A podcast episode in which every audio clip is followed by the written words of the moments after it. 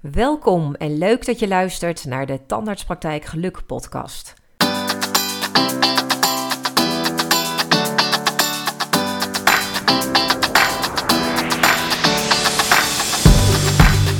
Mijn naam is Marcia van Wermerskerken en met deze podcast ga ik jou als tandartspraktijkprofessional inspireren om zoveel mogelijk werkgeluk te realiseren. Praktijkgeluk noem ik dat. Dit doe ik door het delen van voorbeelden, tips en tricks en interviews over praktijkgeluk. Ik wens je heel veel luisterplezier. Hey, wat leuk dat je er weer bent en dat je luistert naar een nieuwe aflevering van deze podcast. En vandaag wil ik je meenemen naar een situatie, of eigenlijk gewoon een, uh, een mooie ervaring die ik gisteren uh, had in een van mijn, um, of in, uh, in de praktijk van um, een van mijn premium klanten. Het gaat om uh, twee praktijken in het noorden van het land. Uh, die wordt gerund door twee praktijkeigenaren. En ben daar nu een aantal maanden geleden gestart. En we zijn begonnen met het aantrekken van een praktijkmanager. Die hadden ze nog niet. En dit gaat wel om twee nou, behoorlijke praktijken. Ze deden dat tot op heden zelf, maar hebben ook ingezien dat dat gewoon niet wenselijk is. Dus vandaar dat we deze stap hebben gemaakt. Hadden overigens daar hè, wel iemand die meer in een office management rol uh, zat. Maar we hebben ook gewoon ingezien nadat we daar uh, mijn praktijk gelukscan hebben gedaan. Dat er toch wel wat dingen anders, uh, dat de wens is om een aantal dingen anders te gaan doen. Vanuit het team, maar natuurlijk ook vanuit hun als praktijkeigenaren zelf. Nou, we zijn nu eigenlijk in de fase dat we het een en ander aan het uitrollen zijn. Dus die eerst, zo'n, eerste drie maanden van zo'n uh, begeleiding ben ik dan wat vaker aanwezig. Meestal zo'n drie tot vier dagen per maand. En verder werk ik dan uh, veel online met videocalls en ook met een heel fijn uh, online platform op Medicplek, waardoor een praktijk ook uh, goed te volgen is. En dat rollen we natuurlijk ook uit in de eerste drie maanden.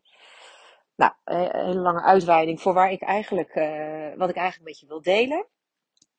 Maar zo was ik dus gisteren bij de praktijk, was vooral uh, daar aanwezig om ook de praktijkmanager verder in te werken.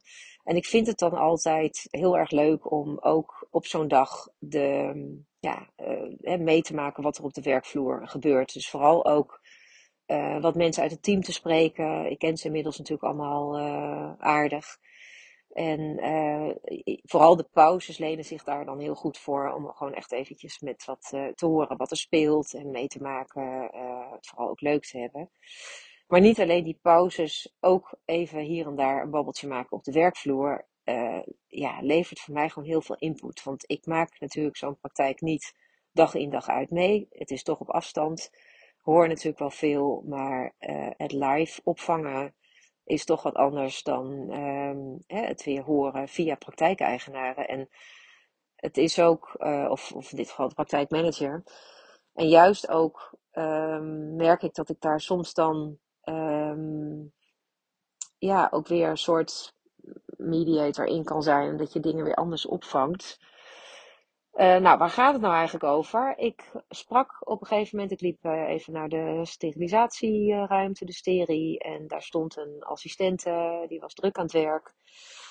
En ik vroeg aan haar, hoe gaat het met je? En nou, eigenlijk, terwijl ik die vraag uh, stelde, dacht ik al, hoezo? Want ik zie zelf al dat het stoom uit haar oren kwam. Ze was echt knetterhard aan het werk om stapels instrumenten weg te werken. Er was duidelijk sprake van een achterstand. En daar raakten we eigenlijk dus ook over aan de, aan de praat. Dat ze zei van ja, nou, dit is dus hoe het op woensdag aan toe gaat. Maar dat weet je. En toen dacht ik al bij mezelf, ja, dat weet je. Ik heb wel wat gehoord, maar nou, ik vroeg me ter plekke af van is dit inderdaad ook wat ik mee heb gekregen? En dit bedoel ik dus met dat je dan op zo'n moment zelf ook live eigenlijk even zo'n situatie aantreft en denkt van oké, um, hier gaat duidelijk iets niet, uh, niet lekker. Dit is dus niet een voorbeeld van praktijkgeluk. Hè? Als we het hebben over de P van praktijk, dat een team het naar hun zin moet hebben en dat zaken gewoon moeten kloppen en lekker moeten lopen, dat alles in een flow zit. Dat was hier duidelijk niet, uh, niet aan de hand, op dit moment niet. Dus ik vroeg haar van joh, maar um, is dit iets dan, hè, wat, wat, wat speelt er? Is, dit, uh, is het vandaag dan anders dan anders? Nou, nee dus. Het was eigenlijk elke woensdag wel uh, op de manier, de, de, de, zoals ik het nu aantrof. Maar al snel bleek dat dat ook op vrijdag wel aan de orde was. Nou, we raakten erover aan de praat en ik vroeg wat door. En de situatie, daaruit blijkt dat de situatie als volgt was. Dat er uh, daar in die praktijk zijn er dus twee, hè, maar in die praktijk um, nou, zo'n dag vijf kamers um, bemand zijn of in gebruik zijn. Twee door een, uh, uh, een, zelfs, een behandelaar die, die zelfstandig werkt, mondhygiënist onder andere. En drie kamers bezet met een tandarts en een assistent. En in dit geval was ze daar ook eigenlijk, zoals een assistente dat vind ik wel vaak heel mooi, heel, of, heel duidelijk in kan zijn. Van ja, en dit zijn tandartsen die niet zonder ons kunnen werken. Hè? Waarmee ze heel duidelijk wilden aangeven dat eh, je ziet natuurlijk allerlei soorten, uh, verschillende soorten tandartsen. De een kan prima een, een behandeling alleen doen. En, uh, of in elk geval een controle en soms misschien ook nog andere behandelingen. Maar je hebt natuurlijk ook tandartsen die dat niet kunnen of nog niet kunnen. Hè? Daar zit natuurlijk ook vaak het verschil. Nou, in dit geval, uh, volgens haar, waren dit in elk geval drie tandartsen die dan op elke woensdag werkzaam zijn, die, daar, uh, die dat uh, niet kunnen. Met als gevolg dat zij, die drie assistenten waar zij er één van is, niet op twee plekken tegelijk kunnen zijn. Ze kunnen natuurlijk niet aan de stoel staan en tegelijkertijd ook die serie nog helemaal op orde hebben. Dus dat was vooral um, wat er aan de hand was. En toen ik haar vroeg van, ja, maar is hoe lang is dit al zo? Werd, uh, werd ook duidelijk dat ze gaf aan van, nou, het is nu eigenlijk nog erger sinds het vertrek van uh, een collega. Nou, die collega die um, daar niet meer werkzaam is, die was vaak nog in de mogelijkheid, die zat daar in een andere rol, maar die sprong nog wel eens bij, dus die kon tussendoor ook nog wel even wat, uh, wat werk wegwerken in de serie, wat natuurlijk voor deze dames heel fijn was. En natuurlijk hebben zij tussendoor ook wel mogelijkheid om, om daar wat te doen. Maar eigenlijk was wel duidelijk dat um, sinds het vertrek van die collega dat gewoon nu echt niet meer bij te poten viel. Dus je begrijpt, de frustratie uh, werd daar uh, verder verhoogd. En, of, of vergroot, of hoe je het dan ook zegt. En ja, zij, zij gaf heel duidelijk te kennen van, maar dit is bekend. En dat vind ik dan zo mooi dat op dat moment was voor mij in elk geval duidelijk dat het bij mij niet zo hè, was doorgedrongen zo in, in de vorm die ik daar aantrof. Maar ook dit is wel iets wat ik vaker zie bij praktijken. Dat assistenten, um, zeker hè, als ik een beeld kom, roepen van ja, dit roepen we al heel lang, maar er wordt niks mee gedaan. De vraag is ook wel of dat altijd zo is. En um, het is ook wel eens zo dat in de beleving van assistenten iets is geroepen.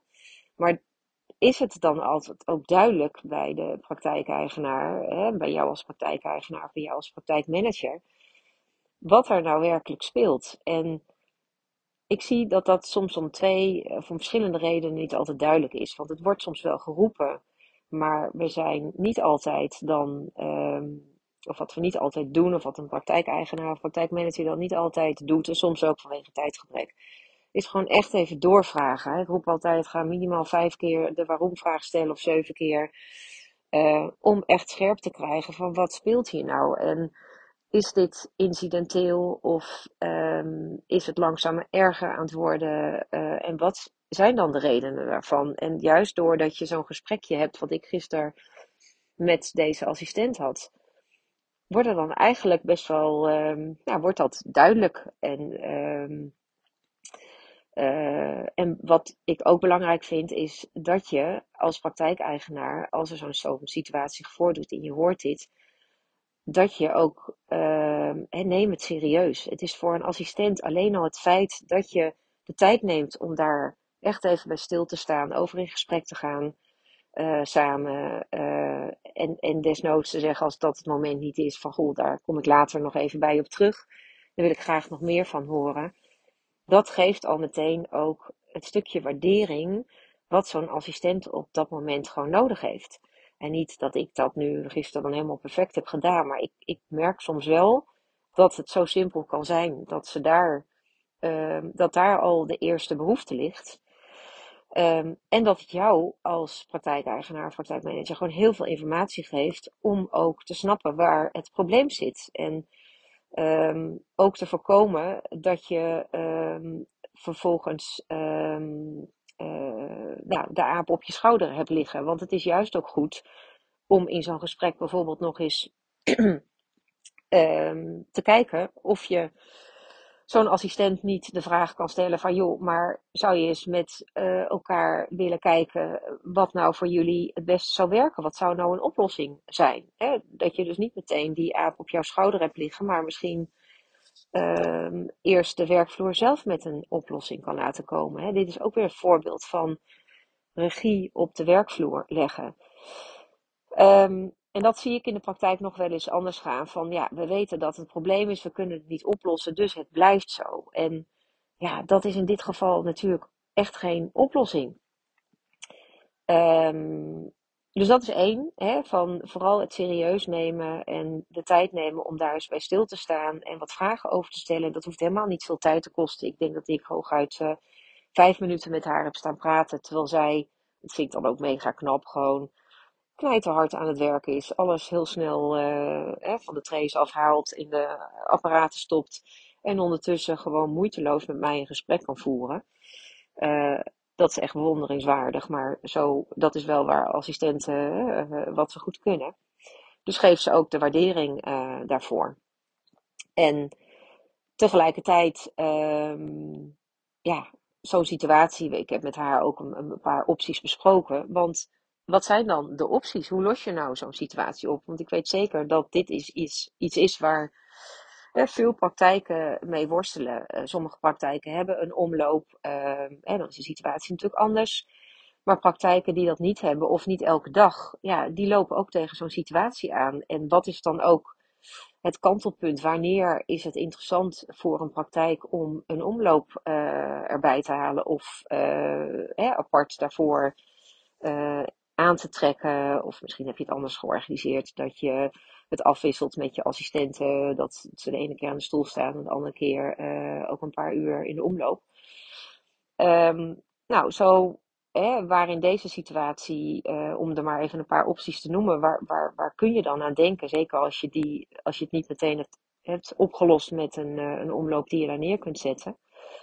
Um, ja, je zou ook eens kunnen kijken, kan ik als het zo nijpend is als hier, uh, kan ik kijken of ik in het team wat kan schuiven. Kan ik inderdaad, kan ik bijvoorbeeld zorgen dat ik toch een balieassistente of een receptieassistente, die wel ook uh, ingezet kan worden uh, in de sterie, uh, dat je die in gaat zetten.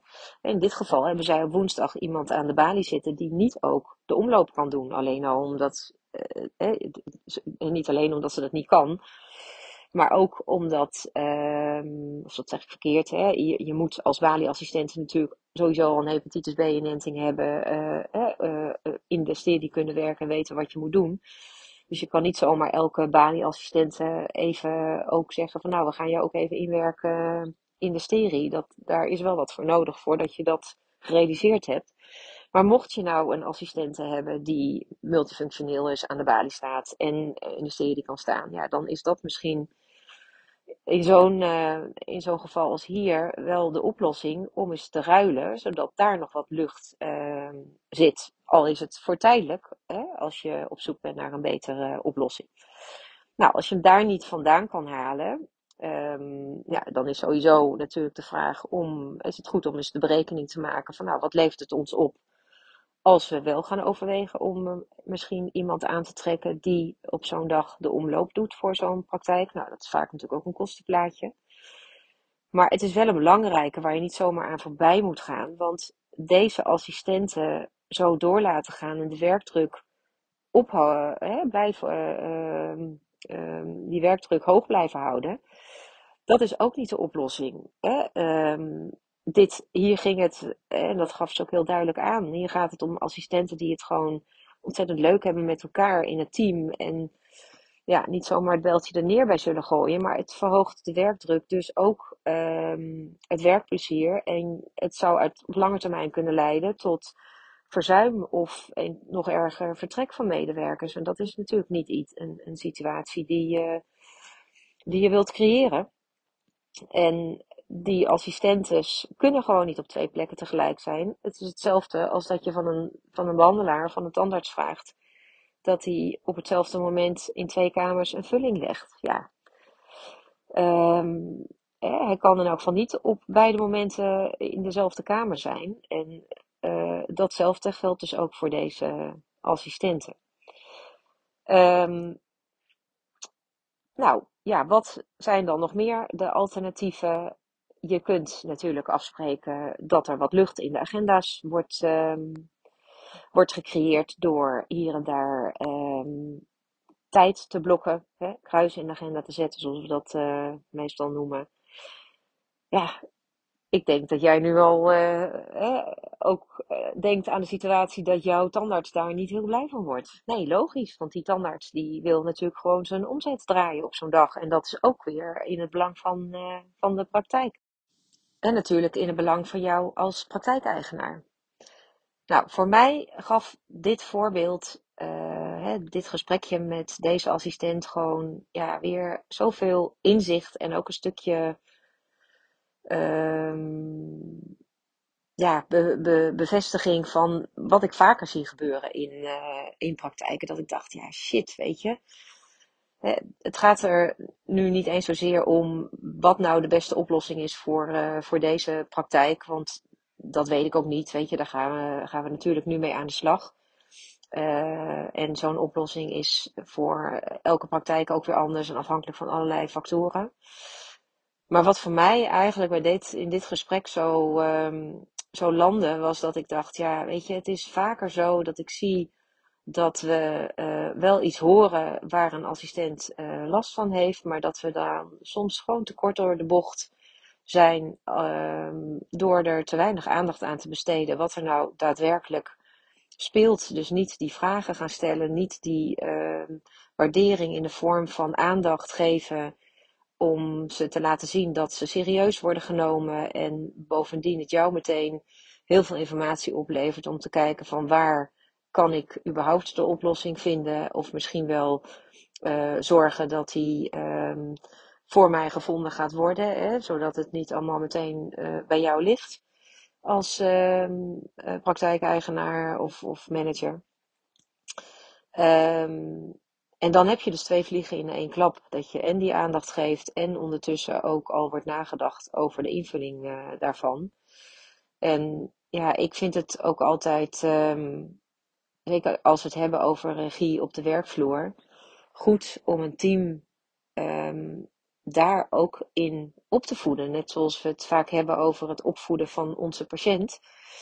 Um, ook jouw team hè, mag je leren of mag je gaan laten zien dat ze zelf ook verantwoordelijk uh, mogen zijn voor wat nou het beste voor hun werkt. Ja, het is toch super irritant dat je als praktijkhouder of manager uh, maar alles moet oplossen. En ja, ik, dat blijft mij wel integreren. Dat ik dat echt vaker tegenkom in praktijken. Dat die, um, die verhouding er op een of andere manier is. Dat er naar boven wordt gekeken door assistentes van uh, ja, uh, zij willen dit zo of zij uh, doen er niks aan. Terwijl je helemaal niet in die verhouding moet staan, in mijn ogen althans, hè, in de praktijk. Het zou veel mooier, dus het is eigenlijk wat, ja, hiërarchisch is het ook niet, maar um, een beetje zo, uh, maar afwachtend zijn van, ben benieuwd wat ze eraan gaan doen. Terwijl ja, je volgens mij als uh, als eigenaar er veel meer bij gebaat bent, dat jouw team ook in beweging komt en zelf al de oplossing verzinnen. En ja, kijk, het wordt wat anders als ze met oplossingen komen en jij zegt iedere keer nee of uh, je houdt het tegen. Maar dat is volgens mij helemaal niet hoe jij er als, uh, als eigenaar of als manager zelf in wilt zitten. Dus zorg dat je niet alle apen op jouw schouder krijgt. En uh, heb vooral ook aandacht voor wat er speelt. Uh, ga uh, die waarom-vraag stellen. En, en niet één keer, maar een paar keer. Vraag of ze na willen denken over wat nou de beste oplossing voor ze is. En dat ze daar zelf al het een en ander voor initiëren. En het misschien vervolgens al geregeld hebben. Nou, ik snap dat dit makkelijker uh, klinkt dan het in de praktijk natuurlijk is. En ook voor deze praktijk hebben we het nog niet georganiseerd. Maar dit is wel een van de ehm, aspecten die ik in mijn één op één begeleiding met praktijken altijd heel veel aandacht geef. Uh, echt om te zorgen dat een team gaat leren dat er veel meer mogelijk is dan zij denken. En uh, dat alleen maar afwachten en omhoog kijken, zoals ik het dan noem, totdat er wat gaat veranderen. Ja, dat uh, het dan nog wel eens heel lang kan uh, gaan duren. Nou, ik hoop dat het jou misschien wel aan het denken heeft gezet over situaties bij jou in de praktijk. En uh, wie weet, uh, helpt het jou om daar ook eens op een andere manier naar te gaan kijken. Dit was hem voor vandaag. Ik wens jou heel veel praktijkgeluk en tot de volgende podcast.